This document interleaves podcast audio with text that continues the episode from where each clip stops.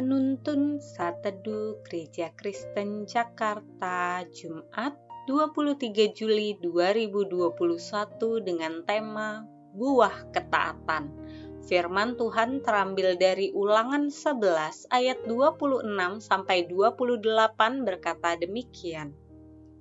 Lihatlah, aku memperhadapkan kepadamu pada hari ini berkat dan kutuk berkat apabila kamu mendengarkan perintah Tuhan Allahmu yang kusampaikan kepadamu pada hari ini, dan kutuk jika kamu tidak mendengarkan perintah Tuhan Allahmu dan menyimpang dari jalan yang kuperintahkan kepadamu pada hari ini dengan mengikuti Allah lain yang tidak kamu kenal.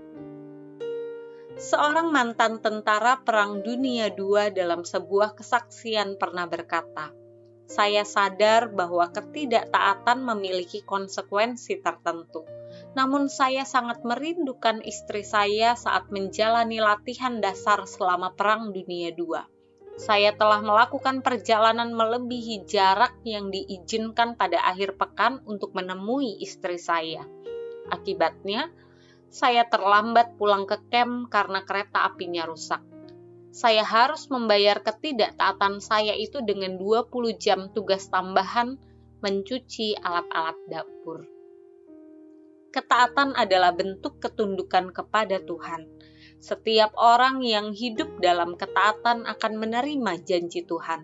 Musa di dalam ulangan 11 mengungkapkan bahwa penyertaan dan berkat Tuhan mengikuti setiap umat pilihan yang hidup taat kepadanya namun kutuk atau penghukuman Tuhan ada bagi mereka yang tidak taat.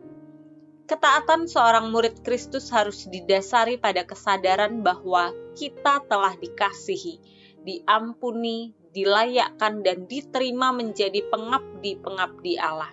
Tuhan memperhatikan umatnya dan memberikan buah atas tindakan mereka, yaitu penyertaan dan kehidupan yang penuh berkat. Mari kita menaati Dia dengan segenap hati kita, sebab Tuhan Allah kita dialah pemilik hidup kita sekarang dan selama-lamanya. Melalui perenungan pada hari ini, kita bersama-sama belajar.